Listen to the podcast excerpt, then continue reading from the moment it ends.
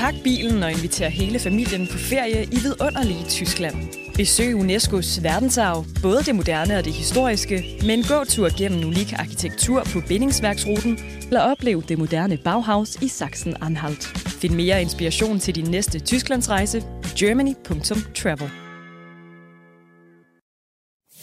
Der er jo ingen politikere i det her land, der reelt har visioner. Magtafgangse, siger jeg bare. Priserne stiger og stiger og stiger. Hvad gør vi ved det? Jeg er så træt af at høre på alt den spil. Det burde være et øh, korps ombudsmænd, der holdt Det giver ingen mening. Velkommen til en af de fine københavnske salonger. Og velkommen tilbage efter sommerferien. Jeg håber, I har haft det dejligt derude.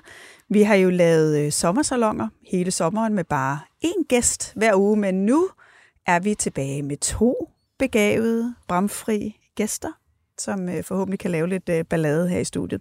Vi skal i gang med denne politiske sæson, og jeg kan allerede mærke, at det bliver godt.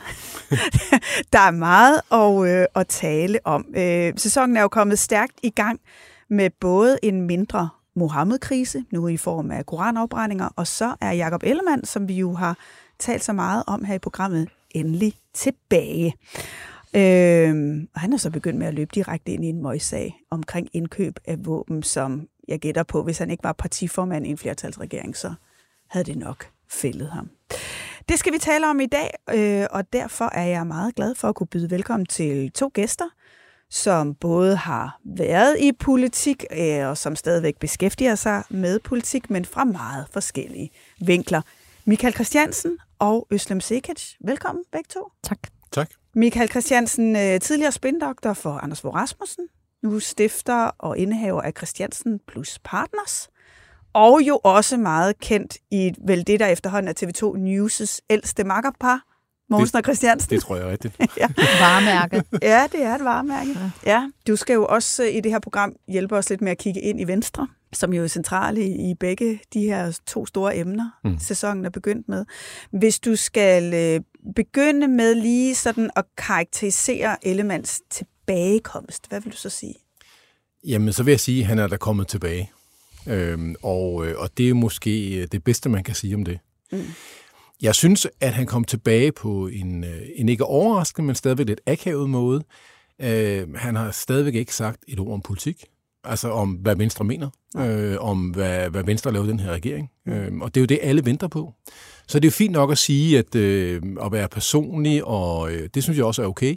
Mm. Men han bliver simpelthen nødt til at snart at komme noget politik. Ja.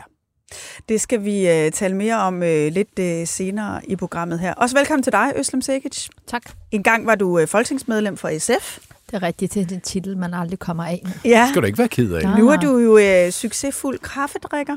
Jeg drikker faktisk ikke kaffe. Gør du ikke Så det, det er så lidt Hvordan? utroværdigt. Du har jo lavet uh, konceptet dialogkaffe, som er blevet ja. Ja. meget uh, populært. Og blevet stiftet. optaget af den danske ordbog. Ja. Og så har du stiftet Brobyggerne. Ja. Prøv at fortælle os lige, hvad det er. Jamen, Brobyggerne er en forening, der arbejder for større tolerance, så vi bringer uenigheder sammen. Så vi dyrker ikke konsensus. Så man skal ikke blive enige, man skal forstå hinanden. Man skal, Eller- man skal kunne tolerere uenigheden. Ja. Øh, fordi vi ønsker et samfund, som løser sine problemer og uenigheder med argumenter og ord end vold og trusler. Og vi har så fire års øh, fødselsdag øh, næste uge, og vi har 9.500 medlemmer. Det er, altså det er lige før, jeg slår Søren Pape, hvis parti har eksisteret lidt over 100 år. Ikke? Øh, og, øh, og vi laver en masse projekter, hvor vi bringer faktisk forskellige befolkningsgrupper sammen. Øhm, og vi er der, hvor det gør ondt. Altså, kan I huske sikkert den her russiske lærer øh, op i Helsingør, mm. som ukrainske Ja. mødre ikke vil have? Så bliver vi involveret i den. Og så er der koranafbrændinger, hvor, altså, hvor vi bringer imamer sammen med nogen, der, der synes, der skal være et forbud. Og, altså der, hvor det faktisk giver mening, at vi taler sammen, for de ting sjældent er øh, sort-hvide. Så det er det, vi laver. Men løser det noget? Jamen, øh, samtale er jo grundstenen i demokrati, så uden samtale vil der jo ikke være fred. Så, så det bidrager jo til, at vi stadigvæk kan have fred på gaden. Øhm, om det løser noget, øh, det kommer an på, hvad noget er. Øh, hvis du tænker, at nu sætter vi os ned, og så skal vi være enige, så vil jeg sige, så er det slet ikke det, vi laver. Altså, øh, det er ikke øh, enigheden, vi på den måde dyrker. Men det her med, om man skal i dialog, om man skal blive enige, eller man skal stå på nogle af principperne, det er jo en smuk overgang til det sige. Øh, emne, som øh, vi skal tale om nu, nemlig koranafbrændinger.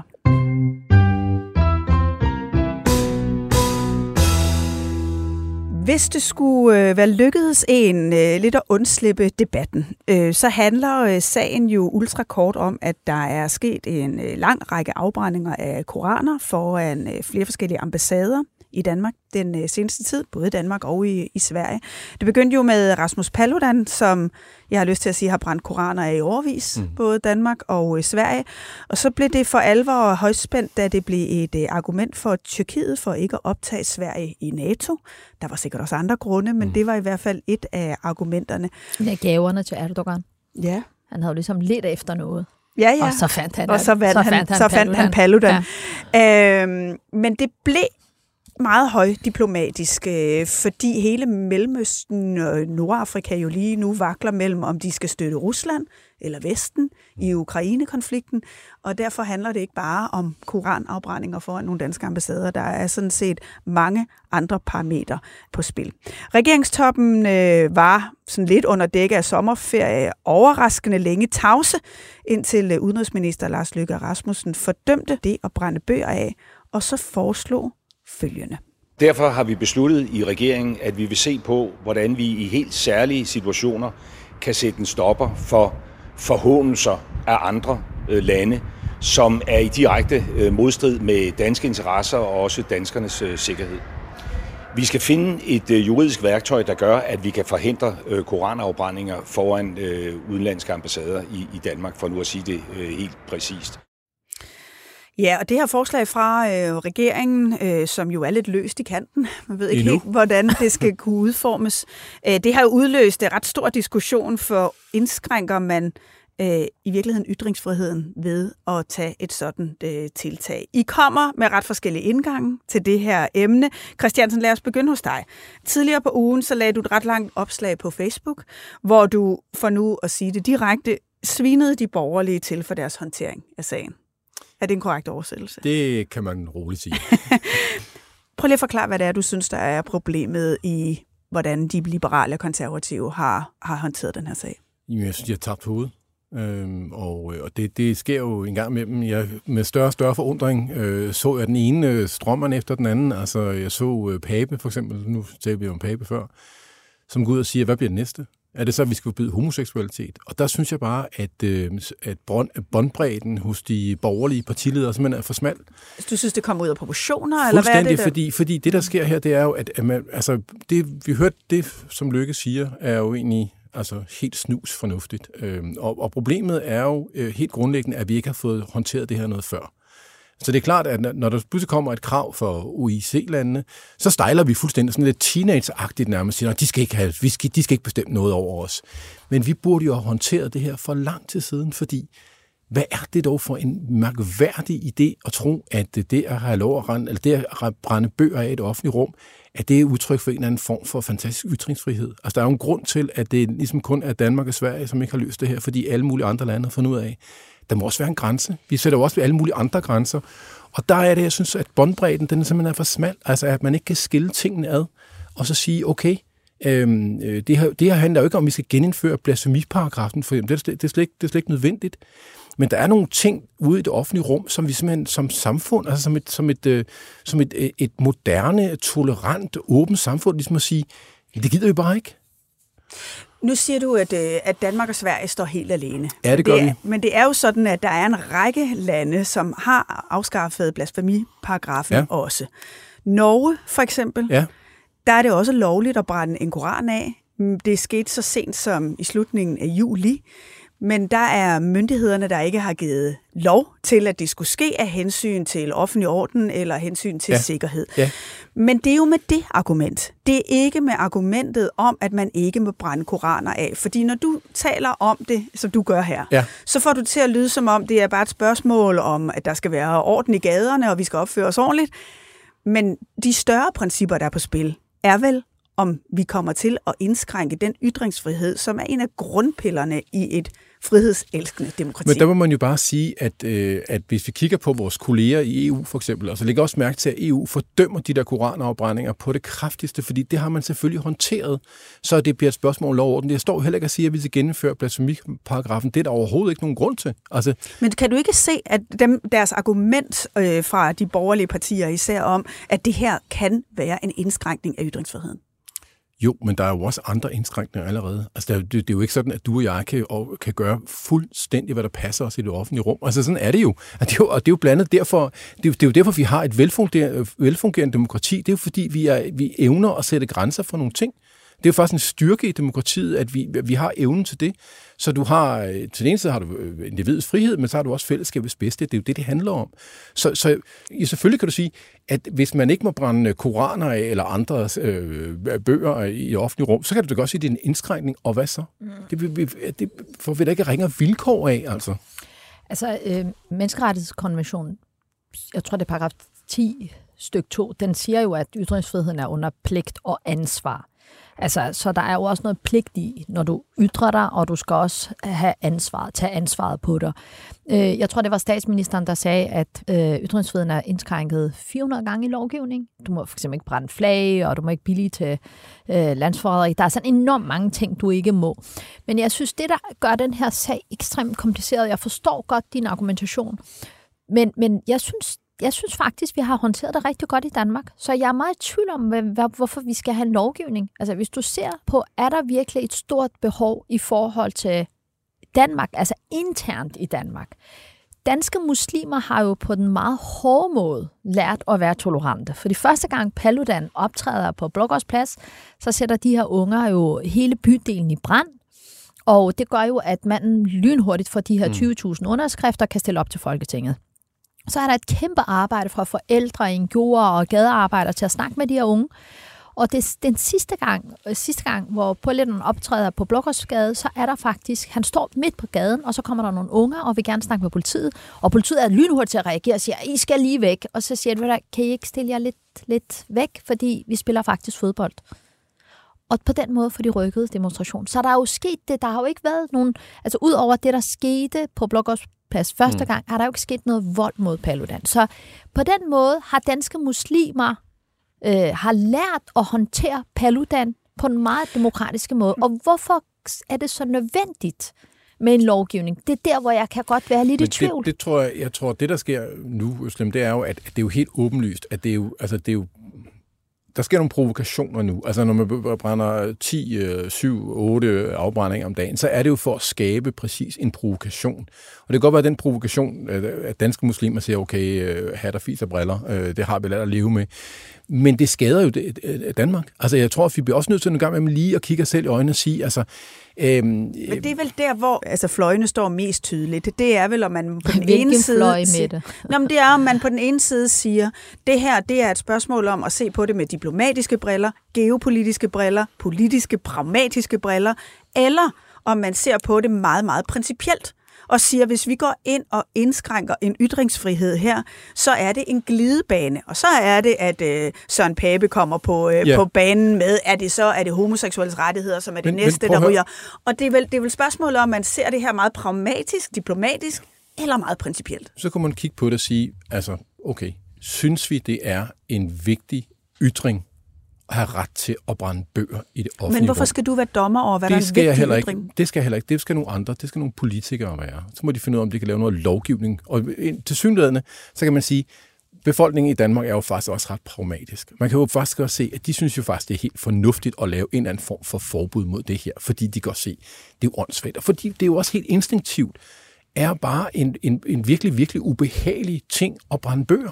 Ja, og det er det, der er forskellen mellem de her koranafbrændinger og satire, øh, diskussion, vi havde under Mohammed-tegningerne. Vi har en lang, lang, lang tradition for satiren, og det er en ren ytring. Det er en ren ytring. Hvor, hvor når du snakker om koranafbrænding eller generelt brænde bøger, øh, så det første, man får øh, flashbacks til, det er Nazi-Tyskland. Præcis. Hvor man sidder og brænder bøger. Og det er også derfor, danskerne tænker, hvad, altså, undskyld, hvad skal det her til? For jeg tror også, det er der, hvor jeg er sindssygt splittet, fordi øh, altså, jeg, kan, jeg forstår ikke mening med at brænde en bog. Altså, jeg forstår det ikke. Det er ligegyldigt, om det er Mein kamp, eller om det er Koranen, eller om det er, hvad er demokrati fra Halkok. Jeg forstår simpelthen ikke, hvad er meningen med at brænde den bog. Øh, er det en ytring? Fordi man tager jo ikke Paludans øh, megafon fra ham. Man tager tændstikkerne fra ham. Så han kan stadigvæk kritisere, men han kan ikke brænde. Og jeg synes, der hvor det bliver ekstremt interessant at se, hvordan regeringen har tænkt sig at balancere.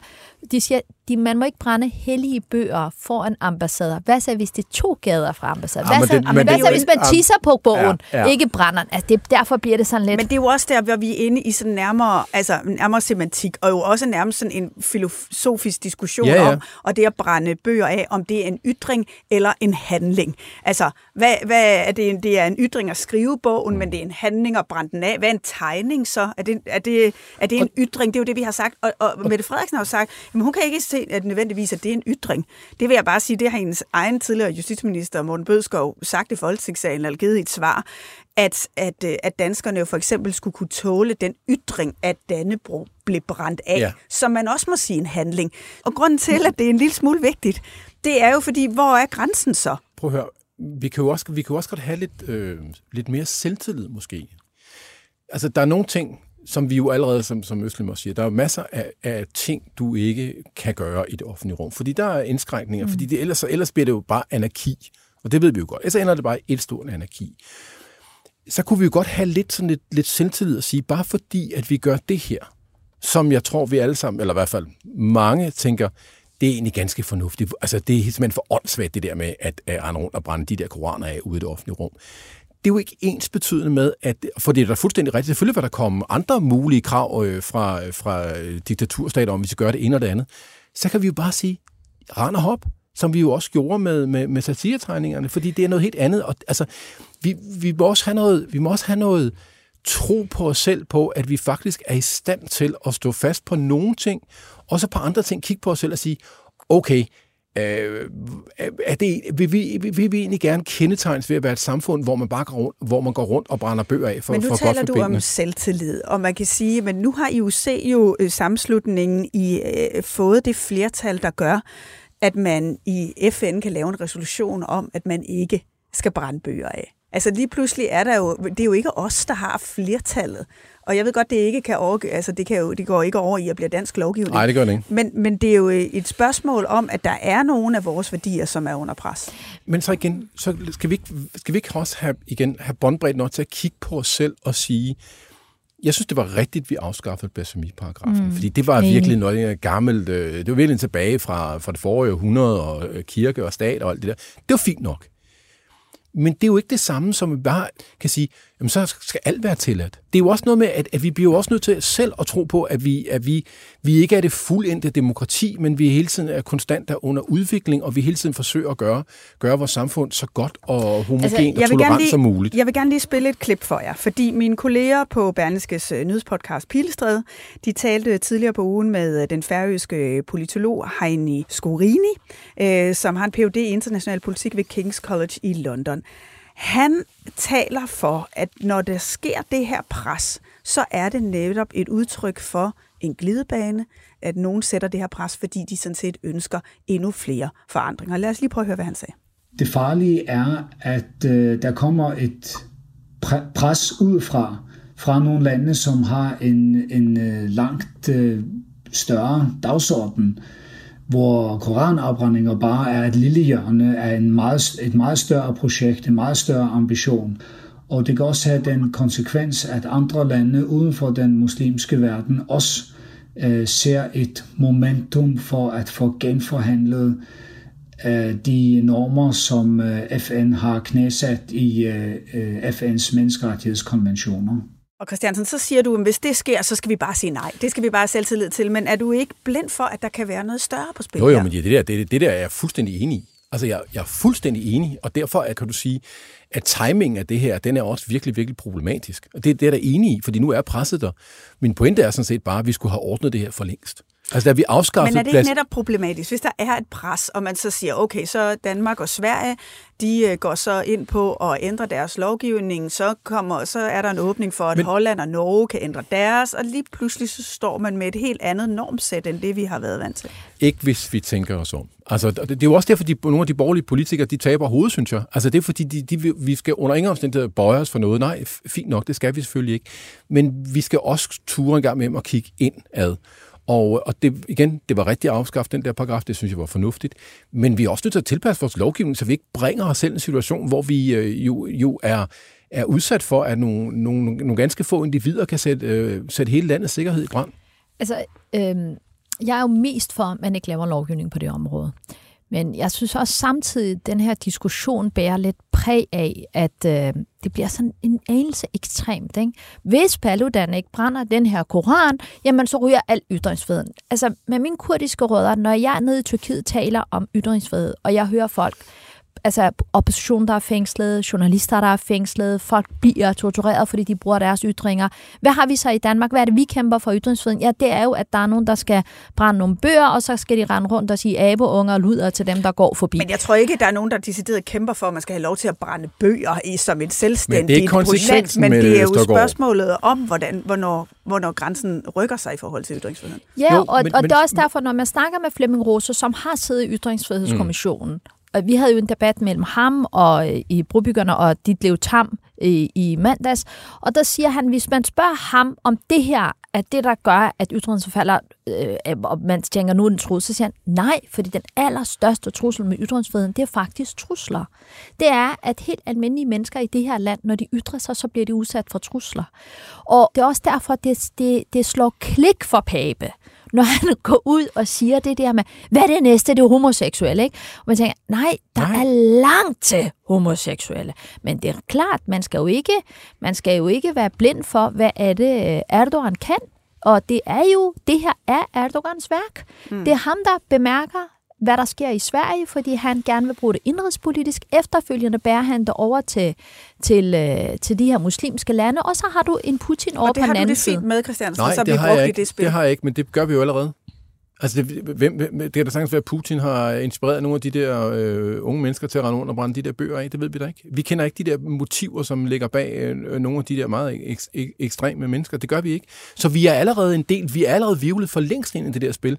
Så derfor er det igen, at det er klogt en gang imellem også at kigge på os selv og sige, synes vi faktisk, at det er fedt at leve i et land, hvor man, skal, hvor man går rundt og brænder bøger af i det offentlige rum. Hvis vi lige prøver at trække os en lille smule ud af det helt konkrete, så ved jeg, Øslem, at du har jo sådan en kæphest med, at vi jo faktisk hver tiende år har brug for en Rasmus Paludan i vores yeah. øh, debat, fordi vi har brug for nogen til at minde os om vigtigheden af vores frihedsrettigheder, og i virkeligheden sætte os i demokratiskole. Er det det, der sker nu? Øh, ja, det gør det i den grad, fordi nu, øh, som øh, Michael også siger, at nu stopper man op og siger, vi kigger på os selv, hvor langt skal vi gå, hvad er, er der noget, der skal laves om, og det er også derfor, vi kiggede også på blasfemiparagrafen og afskaffelsen af den, men det der er med Rasmus Paludan, altså, øh, danskerne elsker hygge. Danskerne elsker konsensus, og de er meget pragmatiske. Vi er generelt utrolig pragmatiske, men meget, mange af de mennesker, der bor i det her land, øh, altså folk, der overlevede 2. verdenskrig, de, de er uddøende. Der er så få tilbage af dem. Så det er en selvfølge, der er fred på gaden, når vi har demokratier, og vi kan valgdagen er en festdag. Men de her frihedsretter, som vi alle taler om, vi synes er så vigtige, de skal jo især gælde dem, der er et mindretal, der mener en anden holdning end majoriteten. Og når jeg holder foredrag, og jeg siger, er der nogen intolerante til stede, så er der aldrig mere end en, der løfter hånd, fordi alle er tolerante. Så nævner jeg Paludan, ah, der går grænsen. Så nævner jeg Mohammed-tegninger, det vil de ikke. Hvad så med præster, der ikke vil give hånd til kvinden? Ej, der, det vil de ikke acceptere. Så er der altså en lang liste af mennesker, man ikke vil tolerere, som hverken skal arbejde, ytre sig. Men hvad er frihedsrettighederne værd, hvis de kun gælder majoriteten. Mm. Og derfor tænker jeg, sådan en som Paludan, han, er, han kan faktisk godt ende med at være en kæmpe gave for demokratiet. Muslimerne i hvert fald har på en hård måde lært det i Danmark. Ikke? Og tolerance på hebraisk betyder jo lidelse. Det er sgu da en lidelse at tolerere sådan en som Paludan, det vil jeg sige. Ikke? Men, men i demokrati er der også plads til øh, røvler. Det skal der i hvert fald være. Du har jo øh, drukket øh, den berømte dialogkaffe med nogle af dem, der har brændt Koranen af. Ja, ja, en. ja, det har jeg. Det er faktisk ham, der brændte Koranen for første gang. Øh, det er Paludan, der løb med alle omtalen. Men hvad fik Og, du ud øh, af det? Øhm, han havde faktisk øh, han havde skrevet en lang sang til mig på øh, 12 vers, øh, som øh, han havde skidt sin guitar med og læst op, øh, altså sang faktisk, sådan en sang med Mohammed en pædofil, og så kiggede han på mig. Mohammed kan jeg godt lide tissemænden, og så kiggede han på mig, og så sagde han, synes du det er sjovt? Så sagde jeg, nej, det rimer ikke. Så det er ikke sjovt. For til rimet, så kunne det måske godt være. Altså, jeg bliver ikke stødt af de her koranafbrændinger, men jeg ved, det gør dybt ondt i min far, og det gør det også i min mor. Altså, når jeg talte med den, så sagde min far, synes du, altså, synes du, man skal gøre det her? Og så gik jeg i gang med en lang fortælling om demokrati og frihedsrettigheder, så sagde min far, han fik lov til at brænde Koranen af i dag, Øslem. Det er det, der svarer til jul, ikke? Synes du virkelig, brænde bøger af frihed? Og så, jeg kunne godt mærke, altså, vi talte ikke samme sprog, og der er jo noget, der også hedder sådan, øh, strategisk empati, ikke? Altså, at man bevæger sig lidt på den anden side, og prøver at forstå, hvorfor gør det ondt hos dem. Altså, min far er jo ikke en, der sådan render rundt, og så vil han slå nogen ned, eller... Det er, jo, altså, det er sådan helt stilfærdigt. Vi mangler jo nu politisk at se, hvordan de lander den her, øh, hvordan det kan lade sig gøre. Øh, den tidligere konservative udenrigsminister Per Stig Møller, han var også ude i den teori, at øh, Lars Løkke måske bare sender et signal om fordømmelse og handling, øh, som gør øh, en række muslimske lande øh, glade, føler, de får en sejr, men at man lader tiden gå, og så sker der reelt ikke noget med det, lovgivningen. Det tror jeg ikke på.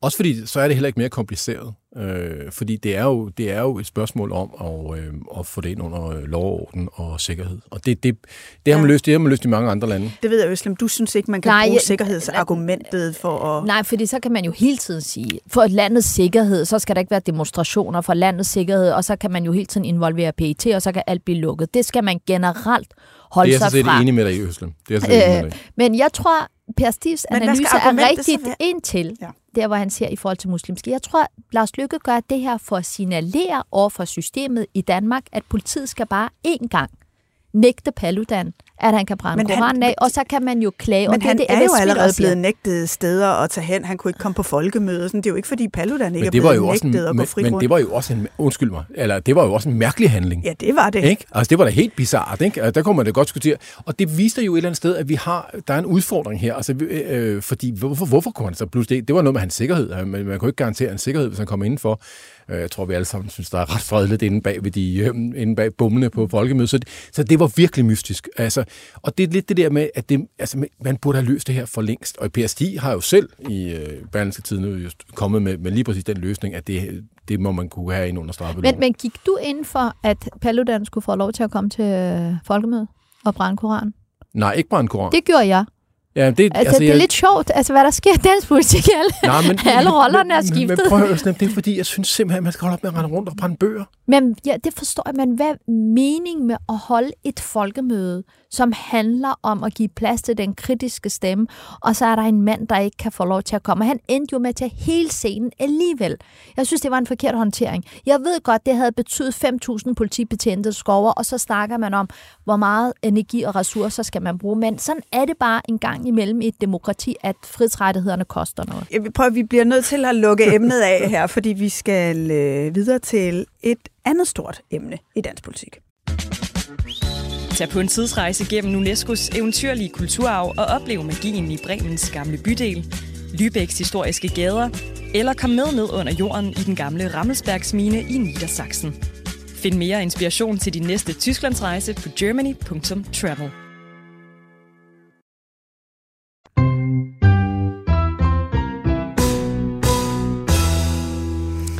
For vi skal tale lidt om, at Jacob Ellemann jo nu endelig er tilbage. Øh, og Christiansen, du indledte med at sige, at nu er han jo så tilbage, og det er det, man kan sige, og ikke så meget andet, for han har ikke talt så meget om politik. Det kan jo være, han kommer til det her i weekenden. Nu skal jeg lige tease lidt for, at man måske skal læse Berlingske, men, Åh, oh, det store interview med de tre partiledere. men, øh, men hvordan synes du, han har håndteret den her tilbagekomst? Jamen, den er svær. Altså, den er, den er også svær, fordi på den ene side set, så skal han tilbage, og han skal ligesom sige, jeg er fit for fight. Øh, og dermed er han også nødt til at sige, at jeg var nede og ligge. Og det er den personlige del af det, det er han nødt til at tage først. det synes jeg, det giver mening. Så ved han, der ligger den der kæmpe stinker øh, mm. med, med Elbit-sagen der. Ja. Og den skal håndteres også. Og han ved jo også godt, at han kan ikke sige noget om politik, før han har håndteret den sag. Og, øh, så han, det, det, er virkelig en, altså, det er virkelig en svær tilbagekomst. Så, man, så jeg vil give ham det, at, øh, at øh, nu må han jo næste uge, øh, når de der sommergruppemøder kommer i gang, mm. så kan vi jo begynde ligesom at vurdere, er der så noget politik i Venstre? Fordi han, han, har jo, han fik jo slet ikke løst alle de ting, han skulle løse, inden han fik stress. Så nu har han håndteret det at komme tilbage og græde ud i sofaen, ja. så at sige, og øh, det, første, det første pressemøde mm. omkring øh, øh, Elbit-sagen. Lad os lige prøve at høre, hvordan det lød, da han, øh, da han skulle tale ud. Jeg vil sige, i hvert fald de første tre uger, jamen der gik det ned ad bakke, og det gik kun ned ad bakke, og det gik voldsomt ned ad bakke. Øh, og til sidst, jamen der sad jeg jo på, på gulvet og stirrede ind i væggen, øh, og, og, og kunne ingenting. Øh, jeg kunne ikke gå en tur med, med min hund i, øh, i skoven, uden at jeg måtte ned og sidde. Jeg, jeg kunne simpelthen ikke noget.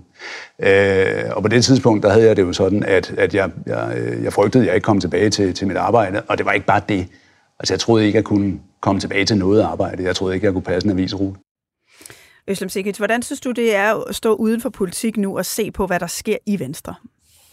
Jeg synes faktisk, det gør ondt. Øh, og, øh, og for nogen er det jo sådan popcorns ting, ikke? Altså man sidder og sådan glæder sig lidt over, at gud, nu er der en trier, og så er der nogle kommentatorer, der kan sidde og kloge sig på det, og nogle redaktører kan der skrive klummer om det, men jeg synes, når man kigger på det udefra, ikke? altså det der interview, det er sådan et modeinterview. Det er helt vildt. Jeg tror, det var din avis efterfølgende dagen efter, var der en overskrift, der hedder, han kunne ikke være- passe en avisrute, men han vil gerne være statsminister.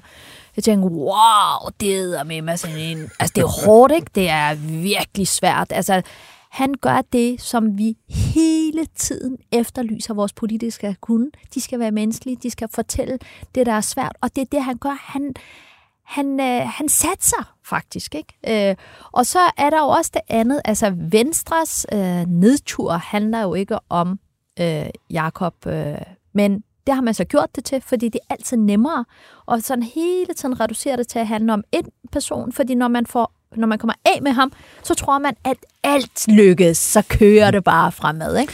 Men den, den parallel har du selv lidt øh, oplevet i SF, da Ja. Annette Wilhelmsen blev øh, formand, og alt brændte også lidt ned om ørerne på jer. Ja. Er der nogle paralleller, du kan se i forhold til, hvad Venstre gennemlever nu?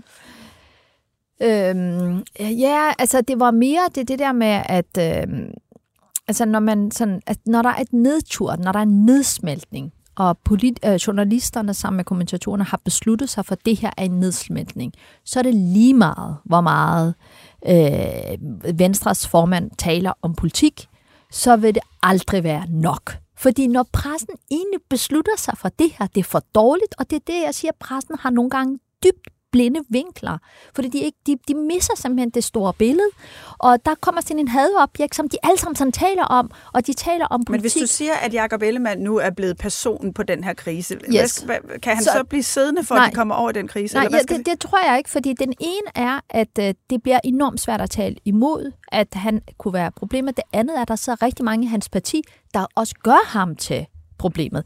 Jeg tror, det var formand for Folketinget, øh, Søren Gade, der sagde, i, vi var i aftenshowet sammen, øh, hvor han, øh, jeg tror, at der var sådan en klip med ham, hvor han siger, det er ikke en skånechop, man kommer tilbage til.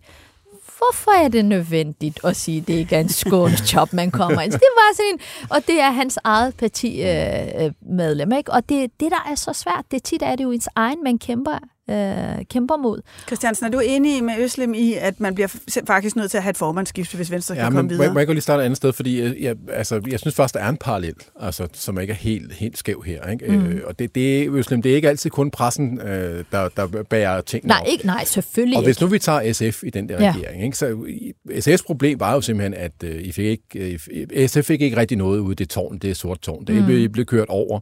Og derfor skulle I hele regeringsperioden øh, hele tiden sige, at det er SF-politik, det er SF-politik. Og det var simpelthen, og ingen kunne se det, og til sidst blev, blev, det grinagtigt. Altså det var jo, det var jo en del, det, altså, det var jo faktuelt, at I simpelthen fik for lidt.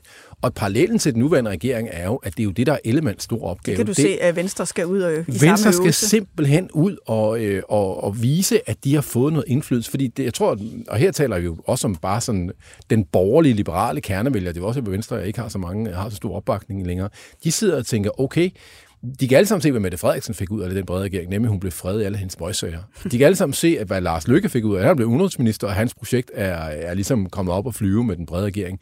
Men hvad har Venstre fået ud af det her? Udover nogle ministerposter, som, som også mange ude i bagløbet siger, hvad, er det, hvad laver Men tror du så, han kan rejse sig? Når nu han er overhåndteret de første par møgssager og kan komme til at tale om noget politik. Jamen, der, er en, der er nok en anelse skepsis, øh, fordi det lykkes jo ikke før. Altså, det, det, det lykkes jo ikke for ham før. Han, altså, han har jo, altså, valget var jo et, et ret dårligt valg for Venstre. Virkelig kæmpe tilbagegang. Og også på det personlige plan. Et, dår, altså, et okay valg derovre i Østjylland, men altså Alex Vanderslag fik næsten dobbelt så mange personlige stemmer som Jakob Ellemann i samme valgkreds. Men Jakob Ellemann har været en fantastisk dygtig politisk ordfører. Han skulle aldrig været formand. For det kræver noget særligt at være formand, og det kræver også Men så noget Søren særligt... Gade, så har Søren Gade jo ret i, at det ikke er et skånejob. Ja, det, det har han, men behøvede han at sige det højt. Det var mere mit, det, der var min pointe. Altså Søren, Jakob Ellemann har jo desværre det problem, at han ikke rigtig vil den magt. Og der, det kræver jo en helt anden robusthed at kunne øh, gøre det, og det er det, der gør det enormt svært for ham, og det er det, jeg synes, der er svært. Altså, når man kigger på det udefra, man tænker, hvad skal der til? Altså, jeg er jo enormt glad for den her regering. Jeg er jo enormt glad, fordi jeg tænker, hvor er det dog fantastisk at holde en sommerferie, uden at man skal åbne hver en eneste gang P1 og høre, nu skal muslimerne ud, og nu er der det her med muslimerne. Nu snakker vi om udlandsarbejdskraft. Vi snakker om, der mangler hen, og vi skal gøre noget ved det. Vi snakker, der er et internationalt udsyn. Altså, det er da fantastisk, at øh, regeringen ikke er afhængig af yderfløjene. Det synes jeg er i sig selv noget, mm som Venstre burde også være glad for. Nå, men det tror jeg også, det er. Men jeg tror, det der også er Jacob Ellemanns så helt grundlæggende problem, synes jeg, det er jo, at han, altså, mener han egentlig rigtig noget om samfundet? Altså, hvor optaget ja, er han? Nå, det er så visionær er han. grundlæggende problem, jamen, hvis man det, gerne vil være partiformand. Men det har du fuldstændig ret i. Øhm, ja, visionær. Og, og, hvor, hvor er indignationen på det her samfundsvejen? Og lad os nu bare gå tilbage til det øjeblik, de sidder deroppe på Marienborg og skal fordele ministerposter. Mette Frederiksen siger, jeg tager statsministerposten den er ligesom givet. Mm. Så dig, Jacob. Mm. Ikke? Det kan godt være, at der har været en diskussion omkring den der finansministerpost eller ej. Men det, at han vælger Forsvarsministeriet, viser jo i virkeligheden, at interessen for at komme ind og tage fat der, hvor tandhjulene virkelig gør ondt i det her samfund, det er, de er ikke et magtministerium på det den måde. Det er det bare ikke. Det kan godt være, at krigen i Ukraine og alt det der, det er vigtigt og så videre.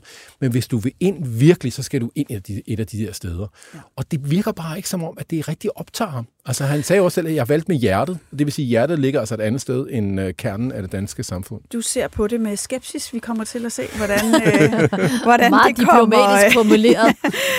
hvordan det kommer til at gå. Inden vi øh, helt lukker den her øh, salon, så øh, er der jo øh, en af jer, altså danskerne kommer jo til at se dig hver tirsdag, går ja. ud fra fortsat, Christiansen. Jo. Og så ved vi jo nu, at Østlem, vi kommer til at se mere til dig hver fredag. Det er rigtigt. Du har sagt ja til at være med i en af de allerstørste underholdningsprogrammer på tv. Du skal være med i Vild med Dans. Det, ja. det skal du. Jeg er simpelthen nysgerrig på, hvorfor du har sagt ja.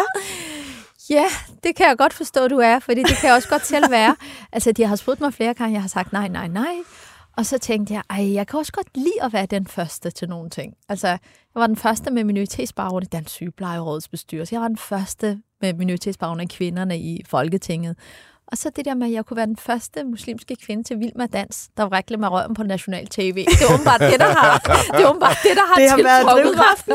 Ja, det glæder vi os ja. Øh, meget øh, til at se. Den dame og øh, den her, tak fordi I kom forbi salongen. Og tak for at lytte med derude. I næste uge får jeg besøg af iværksætter Mia Wagner og debattør og tidligere direktør i AIDS-fonden Andreas Æblø. Må ikke vi også skal tale lidt om den kommende Pride. Jeg hedder Mette Østergaard. Producer var Josefine Maria Hansen. På genhør i Østergaards Salon.